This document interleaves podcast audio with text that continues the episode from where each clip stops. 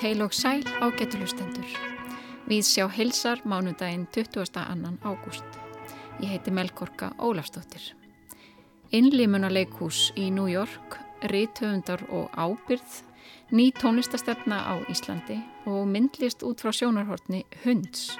Allt þetta í Víðsjá í dag. Á morgun þriðudag klukkan 5 fer fram síðasti viðbyrður í sumarlestraröð Norrænahúsins. Ef vel viðrar verður lesið í byrkilautinni norðanmegin við húsið en ef rignir færist lesturinn inn í glerskálan. Þema sumalestusins í þetta sinn er ábyrð mannsins á sjálfum sér í samböndum og lífinu öllu. Þessi metnaðfulla yfirskrift vakti forvitni við sjár sem hitti ríttöfundana Ingólf Eiríksson, Natasju S. og Þóru Hjölefsdóttur í Garðskála Norrænahúsins. Sviðshöfundurinn Nína Hjálmarsdóttir dvaldi í New York í sumar og sótti þar leiksýningar af því tægi sem óvíða finnast annar staðar. Hún segir okkur frá reynslu sinni af því að fara á innlimuna leiksýninguna Sleep No More. Við skoðum líka nýtt frumvart til laga um tónlist í landinu og ný drög að tónlistastefnu sem nú er verið að koma saman í fyrsta sinn.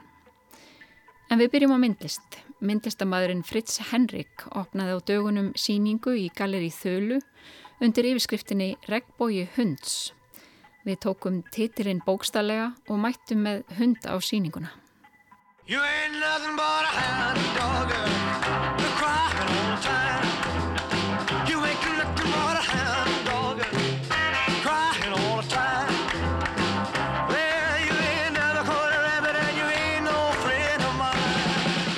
Við erum stött hérna í Galeri Þulu við Hjartartorg og hjá mér stendur Fritz Henrik, myndlistamæður. Það er skúltur hérna á, á miðju gólfi. Getur þú líst honum aðeins fyrir okkur eða sagt okkur frá hann? Já, þetta er svona hindrun eins og er oft í hundasýningum sem að hundar eru, eru leitir yfir stökka yfir og þessi hindrun er með þremur svona láréttum stöngum og einður að er blá önnur grá og hinn er gull og þetta eru sagt, litir sem að hundar sjá það sem að þeir eru með færri lita uh, þetta er kallað cones á ennsku ég þekki ekki íslenska nafni þetta er sagt, uh, veldur því að þeir sjá bara bláan og gullan og svo grátóna en ekki rauðan og grænan eins og við. Og mér fannst þetta svona svolítið skemmtileg svona myndræn framsetning á regnbóga hunds þar sem að, að ef að hundur segir regnbóga þá sér hann ekki alla regnbógans liti eins og við heldur bara hérna gulan og bláan og það er svona það sem að síningi mín hverjast um hérna. Já, síningin heitir einmitt Ragbói hunds. Hvernig kom þetta til að þú ákvæmst að vinna með þennan útgangspunkt? Uh, ég var hérna á ferðarlegi um landi síðastu sumar með kæristunum minni og hún er svolítið svona backseat driver og hérna er hún nótt. Ótrúlega spennt að hitta eiganda sér. Hvern daginn? Nei, hún var ótrúlega góð. Takk kærlega. Væla sem höfum við svo mikinn aðskilnaða kviða. Já, hún var eitthvað mjög spennt að hérna. Ómel lánaði okkur hundin sinn. Hún hafði ekki sérstakann áhuga á síningunni. Nei, hún beigð bara... Hún beigð bara glöggum og beigði til mér. Já. Já. Ég þekk hana, ég þekk hana mjög vel. En takk fyrir lánið. Fyrir baðnámi, sko. How much is that dog in the window?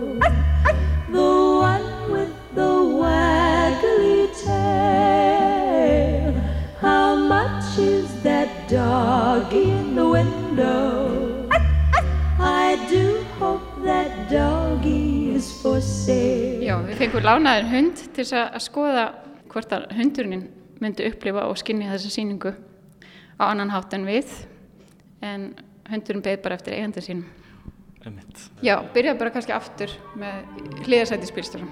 Um, já, hún kom svo til þessu hugmynd uh, síðasta sumar, þá var ég á feðarlægi um landi með kæristunum minni og hún er sem sagt svolítið svona aftursætis bílstjóri og þá hefum við bara komist að því að það er sennilega bara best að hún sjá um það að kera og, og ég sitt bara í, í framsætinu. Og, og þá fæ ég líka DJ og, og svona njóta umhverfisins. Og mér leið bara svolítið í þessu ferðarlegi eins og hundi í bíl af því ég var þarna bara alltaf með hausinleiku út um gluggan og tungun úti bara svona horfa í kringum mig. Og þaðan kom þessi hugmynd að skoða það hvernig hundar sjá raunverulega umhverfið sitt og þá kom þetta í ljós að þeir sjá ekki bara svartkvítt heldur uh, bláan og gulan lit. Og þá fannst mér það svolítið áhugaverð tilraun að, að prófa að gera málverk í þessum litum og uh, ég fann til þess uh, í þessari rannsóknarvinnu app sem að heitir Dog Vision sem að í rauninni breytir litum í gegnum myndavélina uh, í, í liti sem að hundar sjá. Og þetta var mjög svona þægilegt tól til þess að vinna eftir og svo einhvern veginn vattir þessi hugmynd svolítið upp á sig og það er hérna skúltúra líka í síningunni og svo er svona lyktar element uh, það er svona diffuser sem er hérna í sambandi sem er rauninni að gefa frá sér lykt af nýstlegnu grasi og svo er annar skúltúr uh, þar sem eru eins og tvær svona loppur önnur gul og hinn blá og þessi gula er með, með graslyktinni og þessi bláa uh, með bensínlykt Og af hverju graslykt? Eru hundar hrifnir af, af lyktin af grasi? Sko ég ætlaði bara í rauninni að, að skoða þessa hérna, lyktar element, sjá hvort að það væri einhvert áhugavert, uh, einhver áhugaverð viðbútt við síninguna og þá fekk ég að stíga öðrum fætti inn í hérna ilmgerðina hjá Fisser og þau áttu til alveg fullt af áhugaverðum ilmefnum. Og ég er svona einhvern veginn datt niður á þessa, þessa tværi lyktir því að þetta væri svona uh, bæði mjög ólík, ólíkt og að því ég hafði upp á þessar tvo liti að velja veginn og þá fannst mér það við hæfi. Og þessi lykt allavega fyrir mér er mjög svona hún vekur mikil viðbröð hjá manni einhvern veginn, þetta er svona mjög mikil svona útilykt þessi, þessi graslykt.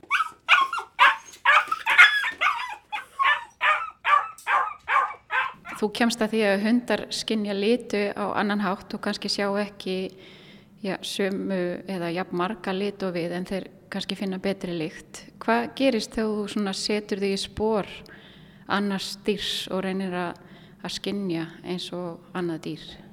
Ummitt, það var náttúrulega uh, í rauninni svolítið útgangspunkturinn með þessu. Uh, í upphæfi að þá sá ég þetta bara sem gott tækifæri til þess að vera svolítið svona léttur í lund eins og hundur og, og hérna bara gera eitthvað svolítið svona kæruleysislega síningu sem var svona svolítið ólíkt því sem ég hef kannski unnið áður. En, en svo fannst mér uh, einhvern veginn þessi litur pínu svona melankólískir og svolítið svona þeir eru pínu já það er einhver, einhver tilfinning allavega sem þeir vekja hjá mér. Og þá fór þessi hugmynd einhvern veginn að breyta svolítið í ferlinu að vera einhvern veginn undirgefin einhverjum svona eiganda í faratæki sem að þú hefur enga stjórn á og líka þessi veginn hvernig, hvernig samband okkar er við hulda þeir eru náttúrulega alltaf mjög hlýðinir eða við viljum að þeir séu hlýðinir og undirgefnir þannig að þetta varði einhvern veginn að eitthvað svolítið svona já þetta, þetta var tölvert meirið hérna döpur síning heldur en ég ætlaði mér sko.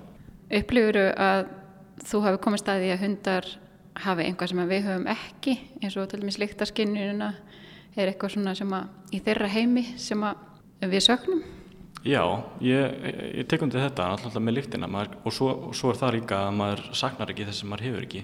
Þannig að þessi, þessi skerta litaskinnum þeirra uh, hefur að öllum líkindum engin áhrif á þá uh, alveg eins og við sjáum ekki uh, hérna, innröytt ljós til dæmis. En svo líka bara einmitt þetta hvernig hund, eða svona dýr, önnur, önnur dýr sem við fylgjumst með í kringum okkur að þá auðvundar maður þau alveg oft af því að vera ekki með alla þessa svona floknu hluti að hugsun sem að eiginlega bara vefjast fyrir okkur að geta bara svolítið verið, verið á staðnum sko og bara tekið hlutunum svolítið eins og þeir eru. Dýr hafa eitthvað svona ákveði frelsi undan samfélagi mannana en á saman tíma höfum við valdið í bara almennt gagvastýrun. Já, þetta er náttúrulega svona, það mætti líka alveg ít að þetta sé svolítið luxus lífverðni að geta bara slakað á í eftirsætinu og, og bara verið bara í góðum fíling. You ain't nothing but a hound dog, you're crying all the time. You ain't nothing but a hound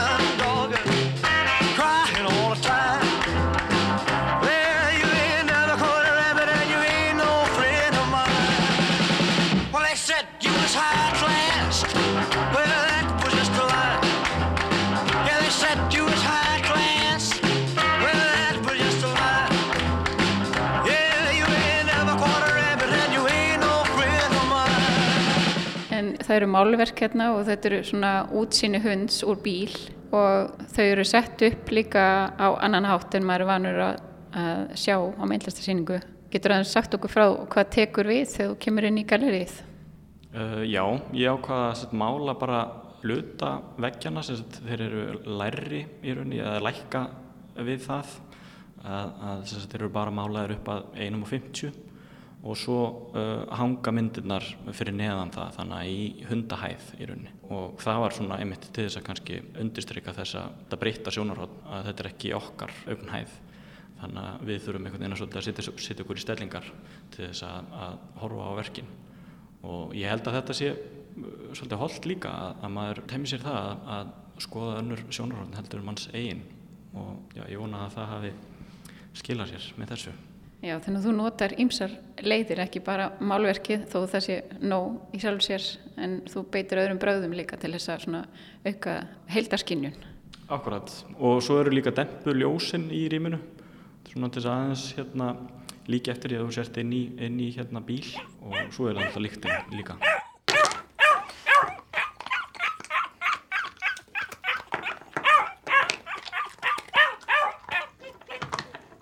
Það talaðum að hundurinn sé svona vínur mannsins. Hvað gerist þegar við virkilega leggjum okkur fram við að setja okkur í spóru vínar sem kannski skinnjar veruleikan á annan hátt en maður sjálfur? Já, það er góð spurning. Ég kann kannski ekki beint svarið við því, sko, en það er áhugaverð tilraun í sjálfur sér.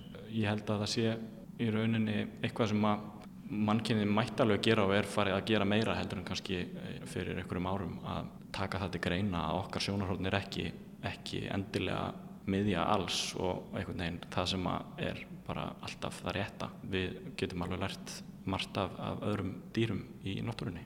Varstu forvitin þegar þú fórst að stúdira hundin? Varstu forvitin um svona skinnjun annara dýra, fuggla eða einhverja dýra sem að skinnja kannski umhverfið allt öðru sem við? Já, ég skoðaði þetta eitthvað. Það er þetta með seitt mjög áhugavert dýr sem ég reyndar veit ekki hvort það setur íslenskt nafn á öruglega en það heitir á ennsku mantis shrimp. Og þetta dýr sér sem sagt fleiri liti heldur en við. Og þetta er svona djúpsjáar dýr og það er líka mjög áhugavert að, að googla það og sjá hvernig það lítur út. Það er alveg mjög litríkt. Þetta er í rauninu svolítið eins og bara humar eða svona mjög litríkur humar. Ég laka til að koma humarsýninguna þína. Það er erfiðar að koma því til skila kannski. Já, nákvæmlega, auðvitað þá þurftum við ykkur tól í rauninni til þess að nema það, breyta í rauninni litunum í eitthvað sem við sjáum.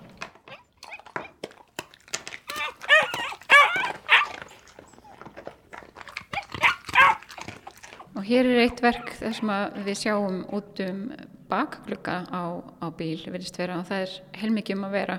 Já, þetta er verk þar sem að ég rauninni breyti bakglugga á bíl í svona steindan glugga þannig að þetta er svona eins og helgimynd eiginlega í, í afturklukkanum og á myndinni eru sagt, eh, fullt af svona blá-gráum hundum í einhvers konar paradís. Og já, þetta var, mér þótti þetta fyrst bara svolítið áhugavert í rauninni að blanda þessu tennu ólíku saman eh, einhverju svona eins hverstarslegu eins og afturklukka í bíl og síðan einhverju svona mjög háflegu eins og uh, steindum klukka úr kirkju. En svo finnst mér svolítið áhugavert í rauninni að kannski hugsa þetta sem svo að þú sért að líta aftur fyrir þig og sjá er kannski fortíðina í öðru ljósi. Þetta er svona eitthvað svona upphafið svona tölvert romantískara heldur en raunveruleikin Er þú kannski að leika þig svolítið með svona mannleitt samfélag? Já, einmitt. Það, það mætti alveg tólka það sem svo. Eða, eða það var allavega í rauninni hugmyndin með síningunni að þú sért ekkert endilega gera greinamun á þessum hundi í bílnum og sjálfum þér. Þannig að þú getur í rauninni yfirfært þetta á því sjálfan líka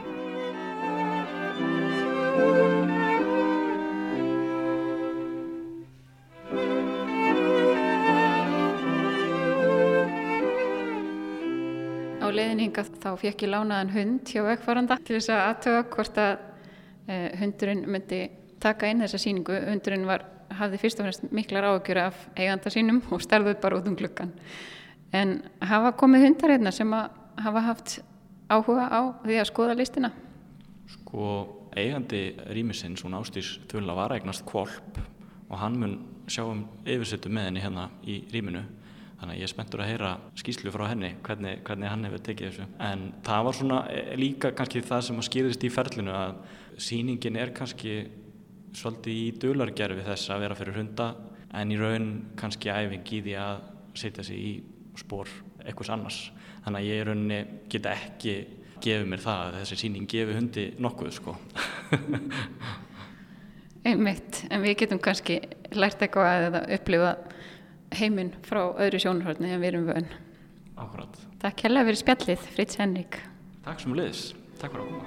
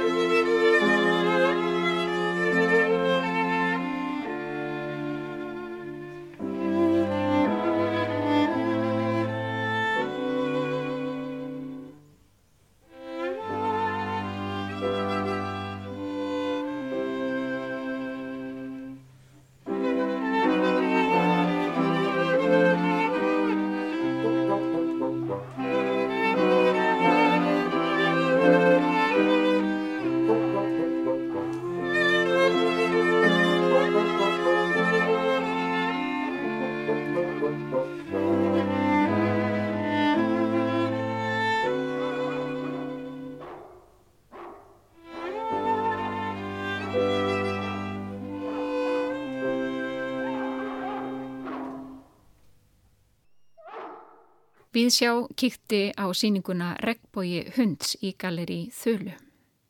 En þá er komið að leikusrýni frá Nínu Hjálmarsdóttur. Við engangin fæ ég kvíta grímu sem minni mig á Comedia del Arte fígurur úr ítölsku miðaldaleikusi. Ég skil síman og allt óti mitt eftir og fæ eitt spil úr spilastokk sem aðgangsmiða. Ég held inn í myrkrið í gegnum varla upplýst völundarhús, ferðast aftur í tíman eða kannski þangað sem tímin er ekki til. Við blasir kertaljósa lístur hótelbar á fjörða áratugnum með tilherandi skreitingum og þokkafullu fólki, lifandi jazzljómsveit og konu í Charleston kjól sem syngur rámri röttu. Þetta var byrjunin á upplifun minni á verkinu Sleep No More eftir breska sviðslistahópin Punch Drunk meðan ég dvaldist í New York borg í sumar.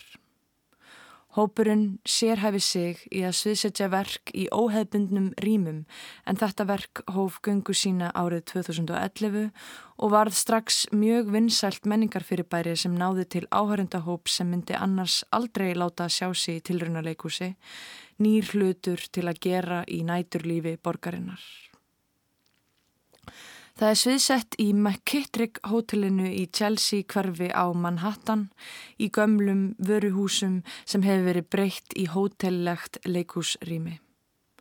Sleep No More er þekktasta innlimunarverk nútíma vestrænu leikúsinunar en innlimunarverk er íslensk þýðing á hugtakinu Immersive Theatre. Áhörendur ganga inn í heim og eru þáttakendur í heiminum, velja sjálf hvert þau fara og hvað þau sjá, eiga í samskiptum við flytjendur og móta söguþráðin. Í innleimina leikúsi sökva áhörendur sér inn í heiminn líkt og líkami sem sekkur ofan í vatn, skrifar Þorvaldur Sigurbjörn Helgason í bjega rannsókn sinni á innleimina leikúsi. Á þeim sex hæðum sem verkið á sér stað eru ótal söguþræðir og karakterar og rými. Þannig hver áhörandi býr til sína eigin reynslu eftir því hvar hann er hverju sinni. En þessi struktúr eða óstruktúr getur alveg farið með þá sem hafa mikið FOMO eða út undan óta. Efni viður verksins er úr ymsum áttum en það er byggt að stórum hluta á leikritinu Macbeth eftir Shakespeare og hitta áhörundur flestar personur Macbeth í þessum heimi. Þaðan kemur líka titillin Sleep No More en Macbeth var svo þjáður af saminskupiti eftir að hafa drepið konungin að hann fer með fræga línu um að nú fái hann aldrei að sofa aftur. Verkið blandar Shakespeare saman við kvikmyndir Alfreds Hitchcocks, þá aðalega Rebecca og Vertigo, en það má líka sjá tilvittnanir í Paisley Nortna réttarhöldin frá 1697. Dans er einn helsti þáttur verksins og eru flytjendunir flest mjög flinkir dansarar en verkið er alveg orðlöst, þau tjá sig ekki með orðum.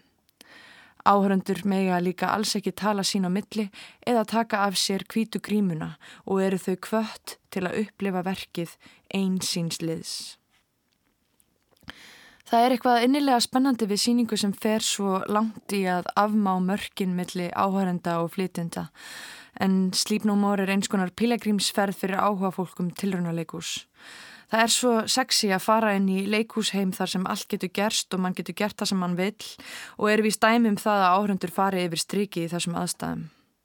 Mér leið stundum eins og fluga á vegg en stundum líka alveg eins og einhverjum perra eða eins og ég væri að fá útrás fyrir dulda gæjunarþörfi engalíf fólks eins og hér fengi einhver skammarlegur unaður innra með mér sinn farveg. Svona mögnuð upplifun kostar líka sitt og því hefði ég aldrei farið sem blankur námsmaður í New York þó svo að verki hafi lengi verið á óskalistanum mínum. Það var því mikil hefni að besta vinmitt í borginni byrjaði að vinna nýlega í síningunni og fekk að bjóða mér með sér frít. Og ekki var ég fyrir vonbröðum. Ég er enþá að hugsa um þetta kvöld og mun líklega aldrei hætta að hugsa til þessi gegnum æfina. Eftir að spilið mitt var kallað upp og ég fór upp í vöruliftu stöðvaðist tímin í rúmlega fjórar klukkustundir.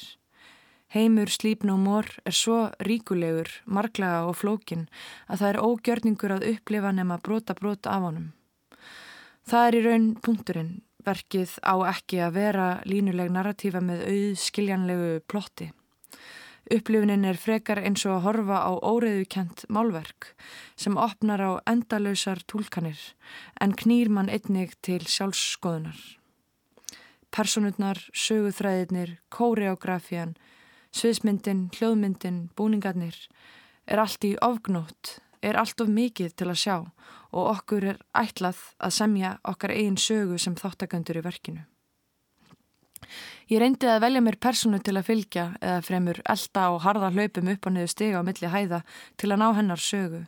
En það var ómögulegt að fylgja öllum söguþræðinum því það er alltaf eitthvað nýtt sem fangar aðteglina og sendir mann niður aðra kanínuhólu.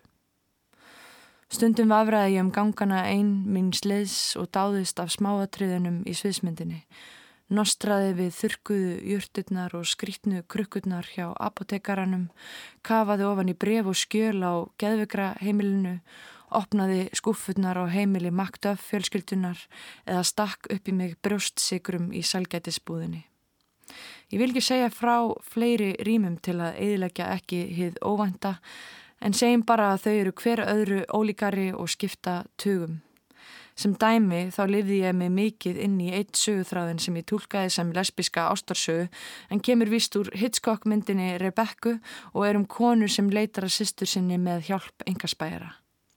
Á einum tímapunkti var ég inni í pínuliltu sefnarbyggi með henni þegar hún fór að sofa með mynd af sýstur sinni í hönd og mér alveg að óvarri kom maður út úr fataskapnum hennar og stál myndinni af henni. Þegar hún séðan vaknaði, leitti hún mig með sér inn í fataskápin þar sem var leini leið að einum rúmgóðum bar þar sem sjarmirandi barþjótt bauð mér drikk. Ég var svo heppin að rekast nokkrum sinnum á vin mitt sem sá til þess að ég var á réttum stöðum á réttum tíma. Hann let mig til dæmis býða fyrir utan einhverja hurð og rétt þegar ég ætlaði að mótmæla þessari byð þá opnaðist hún og ég var dreyin einn inn í pínulitið yfirherslu herbyggi þar sem tveir menn áttu í ótrúlegu dans einvigi að meðan ljós í laungu bandi þeittist á milli vekkjana og hitti mig næstum í hausin. Ég var reyndar ekki svo heppin að vera valinn til að fara á sjöttu hæðina. En það eru bara þrýr valdir af handahófi hvert kvöld sem fá að fara þangað inn. Og orðrómur um að það sé betri reynsla en allt annað í verkinu. More á sér mjög dygga aðdáendur, sagði vinn mitt mér, sem hafa ósæðjandi þráhyggju fyrir verkinu og liggja á netinu á spjallþráðum, búa til kort af rýminu og skrá yfir öll nektar atriðin. Þau koma aftur og aftur og reyna að vera valin í allar engasennunar eða að persóna gefi þeim eitthvað verkefni sem þau þurfa að leysa. Það er líkt og súperaðdæðandunir séu að reyna að klára borð í tölvuleik, hakka verkið, komast að kjarnanum. En verkið er í stöðri þróun og nokkar mánu að fresti er bætt við nýjum senum, jafnvel nýjum karakterum og frægir leikarar hafa fengið að koma sem gestakarakterar í eitt kvöld. En súperaðdáðandunir eru ofbáðslega perrandi og ég fekk að finna hressilega fyrir frekjunni í þeim. Þeim sem svífast einskist til að vera fremst, til að vera valin, til að hreppa nossið. En svo var ég valin. Ég var búin að heyra um hana að hún væri The Lady in Red eða Konan í Rauðu, kölluð Githja eða Nord en ég sá hann ekki í byrjunar dansleiksenunni nýja í neinum af mögnuðu Macbeth ástar og morðssenunum.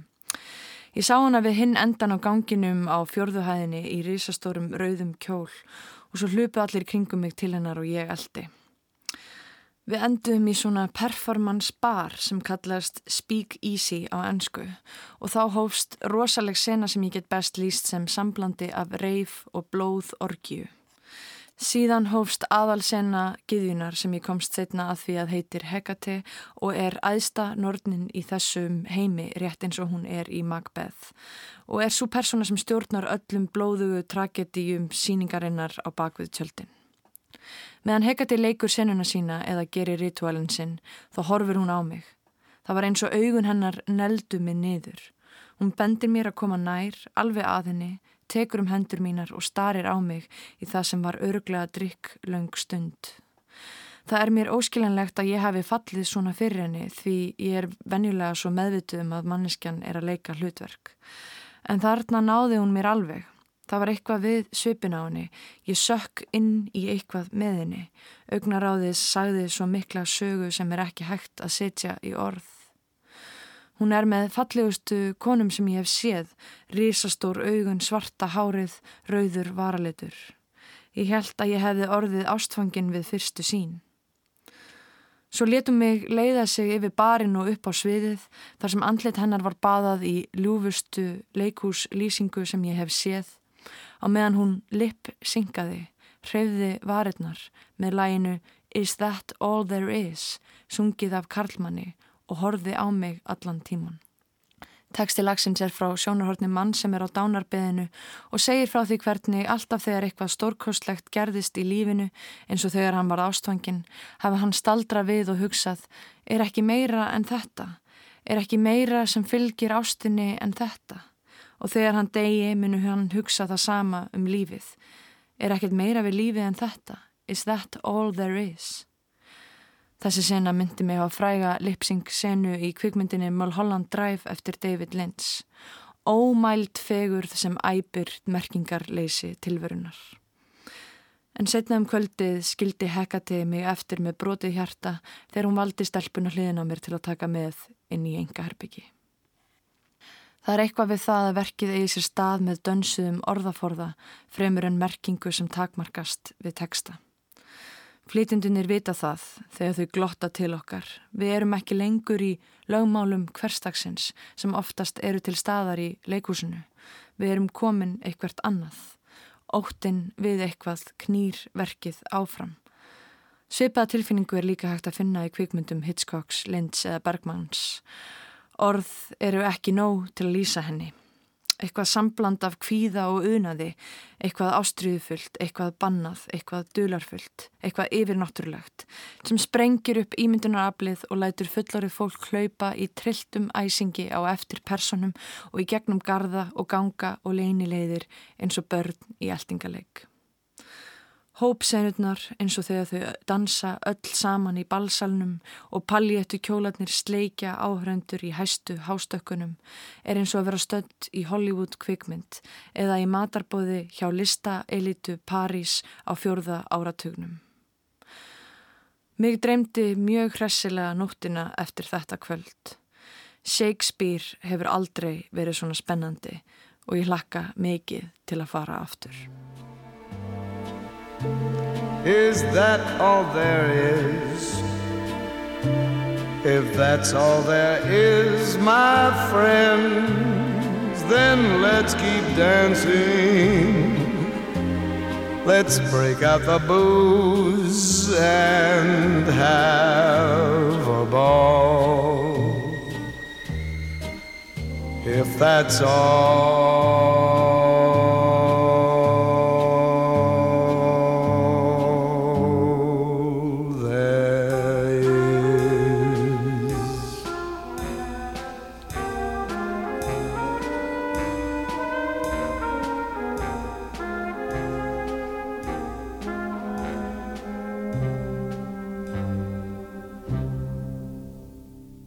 Nína Hjálmarsdóttir sagði okkur frá síningunni Sleep No More sem sínd var í New York í sumar. En þá höfum við að tónlist á Íslandi. Guðni Tómasson tekur við. Fram er komið ágætu hlustendur úr ranni menningar og viðskiptaráðanetisins og þá auðvitað undirlagi ráþæra málaflokkana nýtt frumvarp til laga um tónlist, hvorki meirann í minna. Þá erum við að tala um aðkomu stjórnvalda í Íslenska ríkisins að tónlistarstarfi og fluttningi tónlistar á Ísaköldu landi. Ekki hvað varðar tónlistarmentun í landinu, heldur þegar kemur að sköpun, skipulagi og stjórnsýslu með ímsu því er varðar málaflokkin, listgreinina, tónlist. Frumvarpið er nú að finna í samráðskátt stjórnvalda á netinu og hafa áhuga sami nú fram að mánaðamótum til að breðast við og segja skoðun sína á texta frumvarpsins og hugsuninni með því. Jáfnframt eru byrt til umsagnar í samráðskáttinni drögað stefnu í málefnum tónlistar sem að settir fram nú í fyrsta sinn hér á landi en vinna við slíka stefnumótun hefur farið fram á örum sviðum menningarlífsins á undanförnum misserum og árum. Nefnam á hönnunarstefnu og drögað myndlistarstefnu auk þess sem framhefur farið endur skoðun á almennri menningarstefnu ríkisins sem alþingi samþýtti fyrsta sinni árið 2013 þó svo að svo endurskoðun hafi ekki komið fram í samþýttri nýri mynd.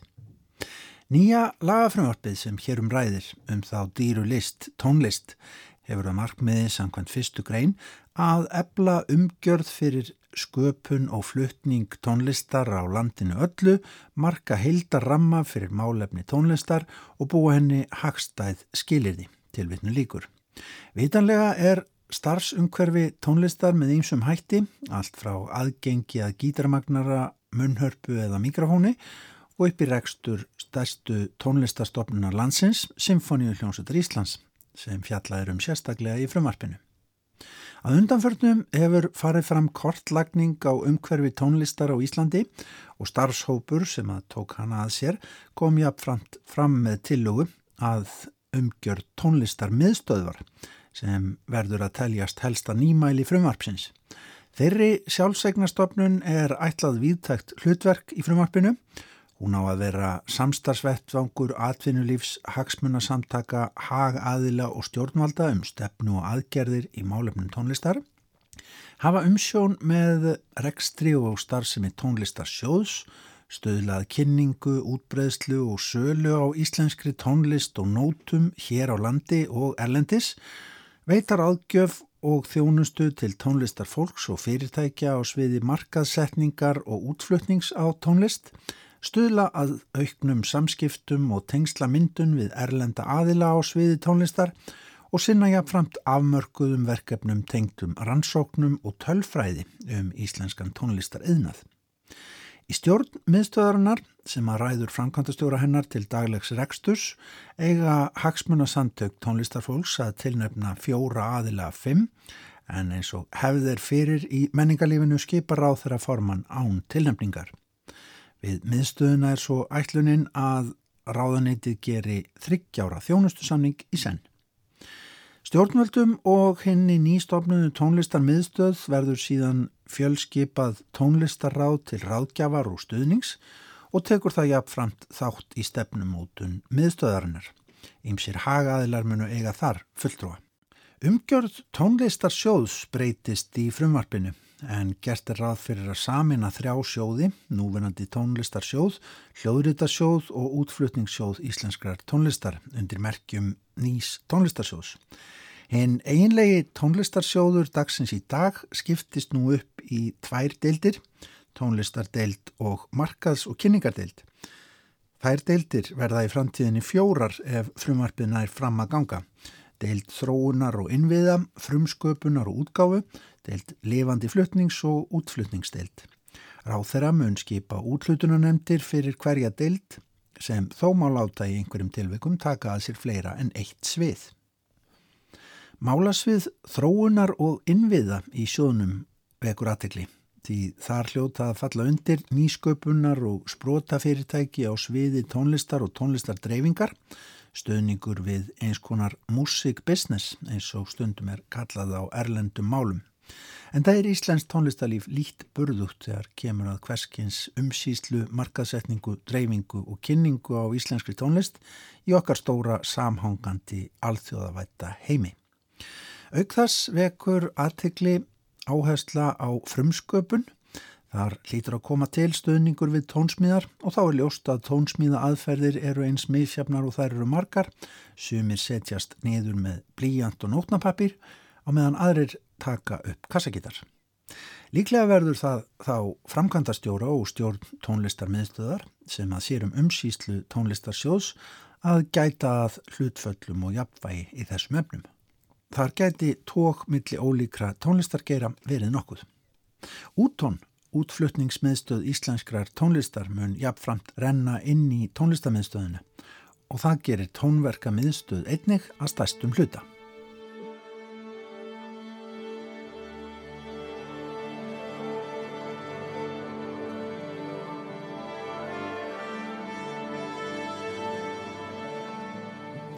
Frumvarpinu er síðan sérstakur kapli um stæstu tónlistastofnun landsins, Symfóníu hljómsveit Íslands. En núverandi lögum hana standa ein í lagasafnu nú en eru komin til ára sinna, 40 ára á þessu ári. Aðtegli vekur að strax í fyrstu setningu kaplans um hljómsveitina í nýja frumvarpinu er hún skilgreint sem eign íslensku þjóðarinnar það er í samræmi við ákvæði í sviðslistalögum um þjóðleikhúsið og ákvæði í myndlistalögum þar sem í listasafn Íslands er reyndar skilgreint sem eign íslenska ríkisins en ekki þjóðarinnar. Ennfremur er tekið fram í frumvarpinu að minnst 88 stöðugildi hljóðfaraleikara skuli starfa við sveitina sem er nokkur nögin eins og staðan hefur verið að undanförnu. Hvort ákvæði um þjóðaregn eða nákvæm lámarkstala um fjölda stöðugilda slái aukinni vernd um starfsemina verður maður jú bara að vona. Annað vekur aðtikli í frumvarpinu og það er að einn heitasta kartablan í tónlistalífinu að undanförnu, óperustarfsemi í landinu og vantanlega eða möguleg stopnun þjóðar óperu kemur ekki fyrir í texta frumvarpsins. Vissulega er minnsta óperustarfsemi í núgildandi sviðslistalögum en Þar er það bara orðað svo að ráð þeirra skuli skapa grundvöld fyrir óperuflutningi og stuðla þannig að því að glæða áhuga landsmanna á óperum. Í því skyni er ráð þeirra heimilt að styðja sérstaklega við óperustarfsemi og gera fyrir gísjós tímabundin samning við lög aðila um fjárstuðning. Tilvittnum líkur. En er því beðið frekari frétta af framtíðarskipan óperumála.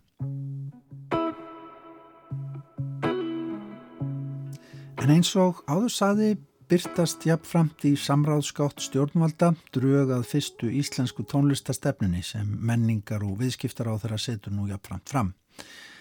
Þar er því haldið fram strax í engangi að Ísland sé tónlistarland og hér er vitnað. Tónlistarlíf á Íslandi hefur leitt af sér ríkan menningararf sem á sér fastan sess í hjörtum landsmanna, kórastarf, tvísöngur, fjölbreyttar tónlistarstefnur og tónlistarfólk hafa glætt menningu landsins lífi í áranar ás. Tónlistarlífið hefur ennkjænst af sköpunagleiði, samstarfi og óttaleysi við að fara nýjar leiðir og hefur fjöldin allur af íslensku tónlistarfólki og tónskáldum getið sér gott orð víða um heim og unnið til margra af virtustu verluna heims fyrir störfsín. Tilvittnu líkur. Já, við getum vissulega verið stolt af íslensku tónlistarlifi. Draugin að tónlistarstefnunni nýju eru eins og búin víðara sjóngleri á tónlistarlífið en áðurnemt frumvarp.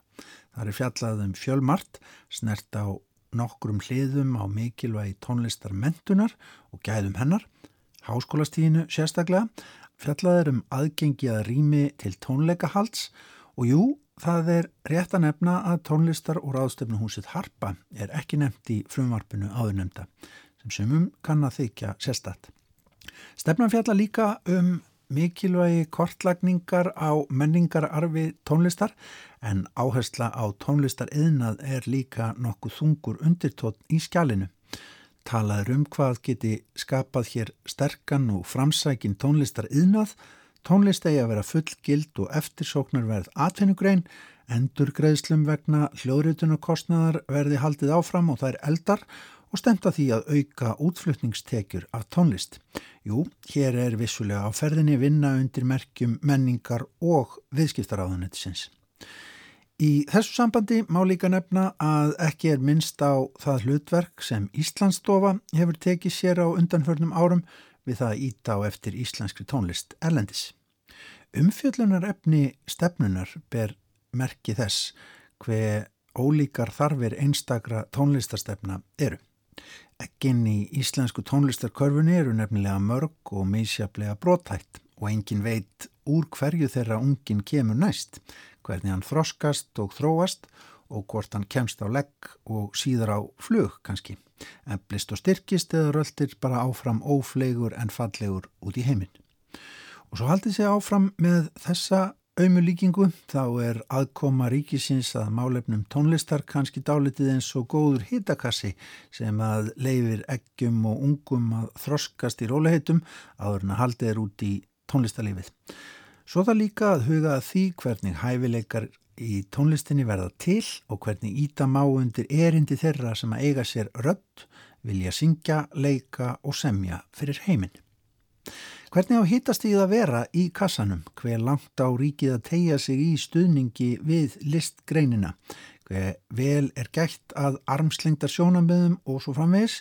Allt eru þetta mikilvæga spurningar í menningarstefnumótun sem þessari. Ný tónlistastefna og frumvart til laga um tónlist er tilraun til að skilgreina allt þetta. Vitað er að framlög til skapandi greina og listgreina geta skilað sér vel og markvallt tilbaka. Hægt er að kynna sér málinn nánar á vefsíðu menningar og viðskiptaráðanetisins og í samráðskátt stjórnvalda. En svo áður saði rennur umsagnarfrestur út um næstu mánuðamót. Guðni Tómasson spáði í ný drög að tónlistastefnu á Íslandi og þá höldum við niður í Norrænahús.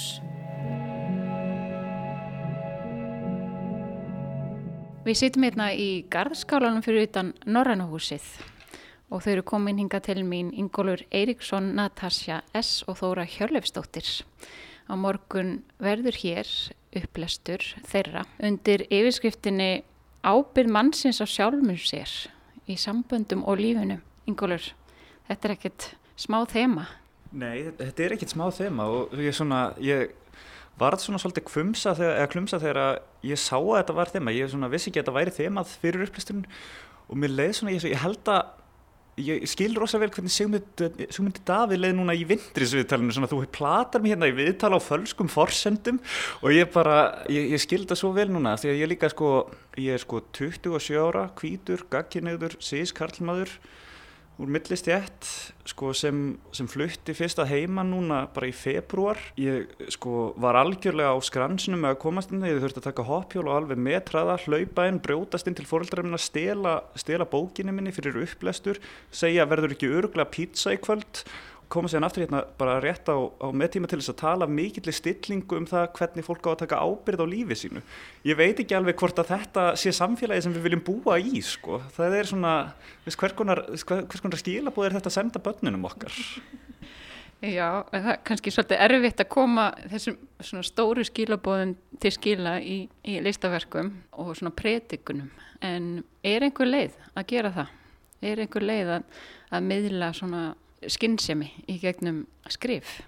Sko ég held að þegar maður er að skrifa þá er maður alltaf að reyna að finna út hvernig maður ætlar að lifa að, og hvernig maður ætlar ekki að lifa líka þannig að það er hægt að gera alls konar svona taka alls konar áhættu aðtriði í skrifinu sínum til þess að forða sér frá raunverulegur glutin. Þóra Hjölustóttir, þú skrifaðir kviku sem að fór mjög hátt og hefur færið víða um, um heim og segir þar frá sambandi og kannski ungri konu sem að þarf að læra að taka betri ábyrða sjálfur sér.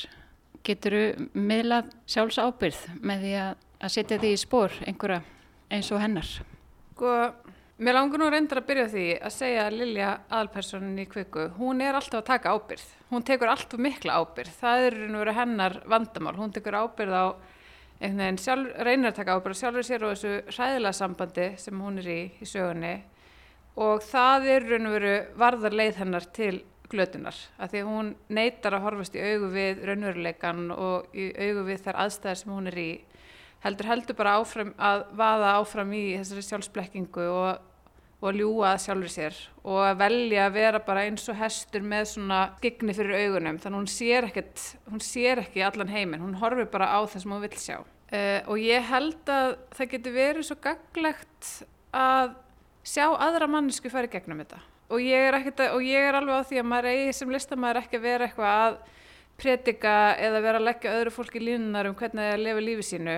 En það getur bara verið mjög gaglegt að sjá afdrifir ykkar einhverjar ákvarðanir sem að skáldsagnapersona tekur og, og setja í sammingi við kannski sitt eigi líf eða líf fólksinn sem að þekkir.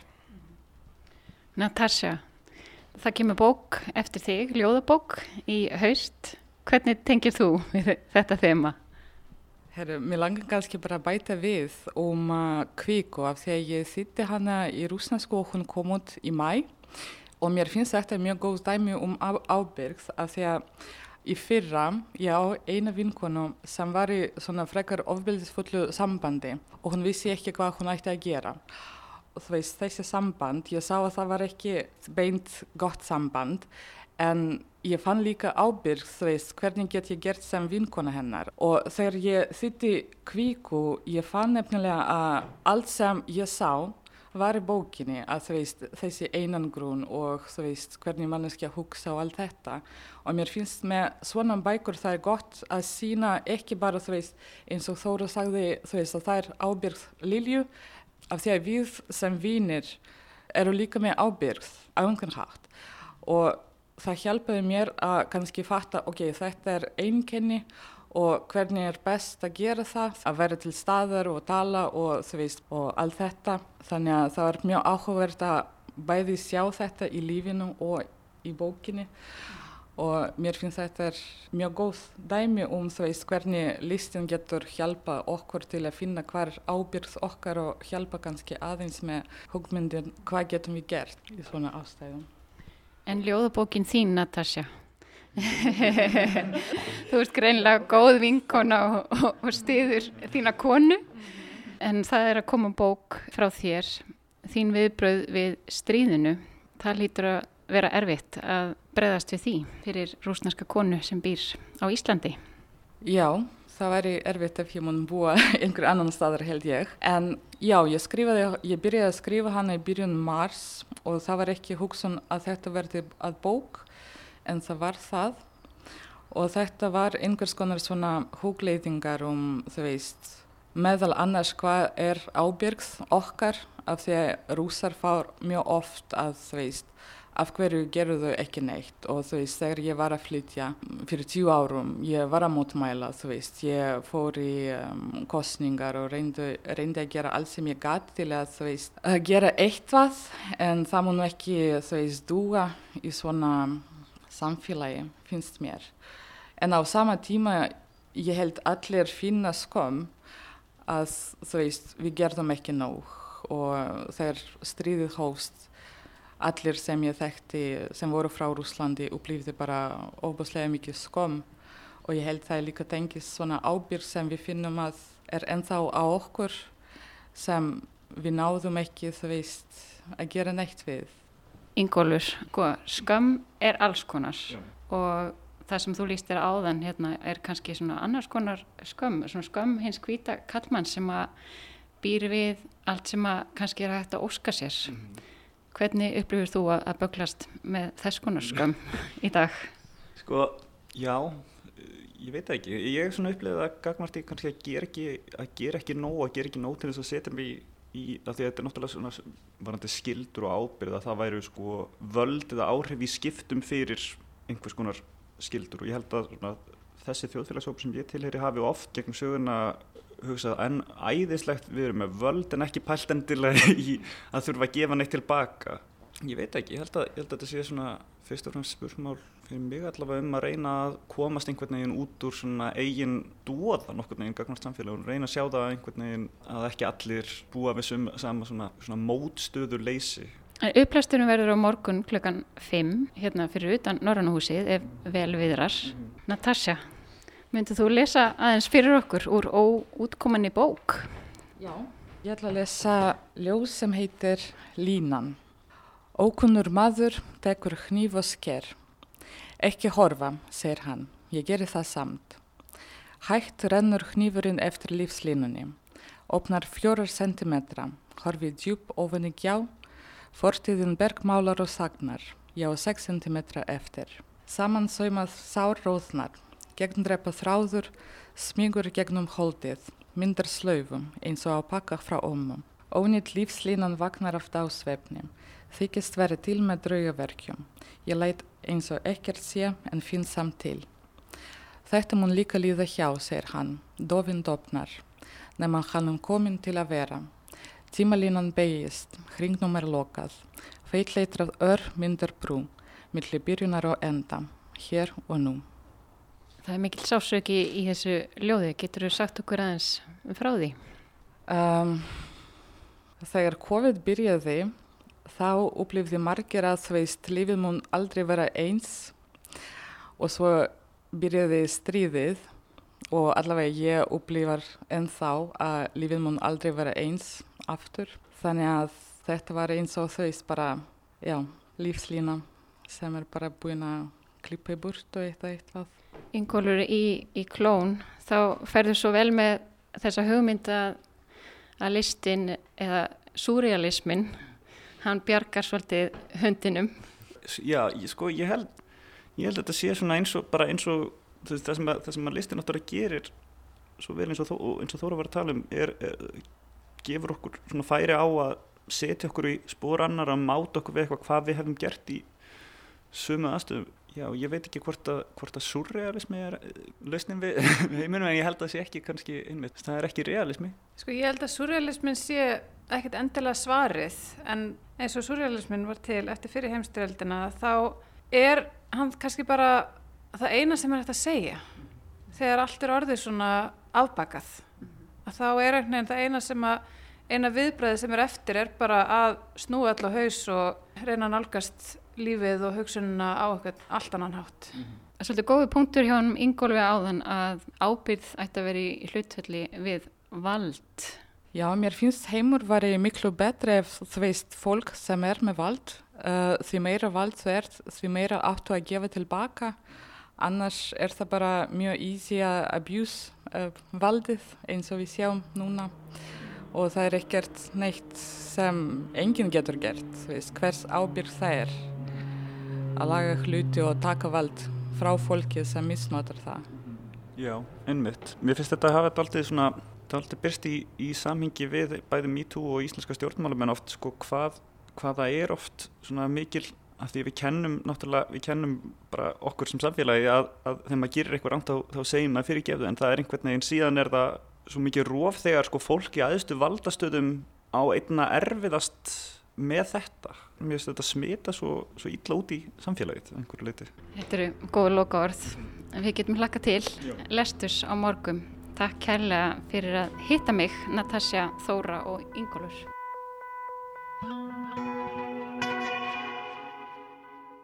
Við sjá rætti við þau Ingólf Eiríksson, Natasju S. og Þóru Hjörlefsdóttur sem lesa á sumarlestri í Norrannahúsinu á morgun klukkan 5 En fleira verður ekki í þættinum að sinni. Við sjá verður á sínum stað á sama tíma morgun. Verðið sæl.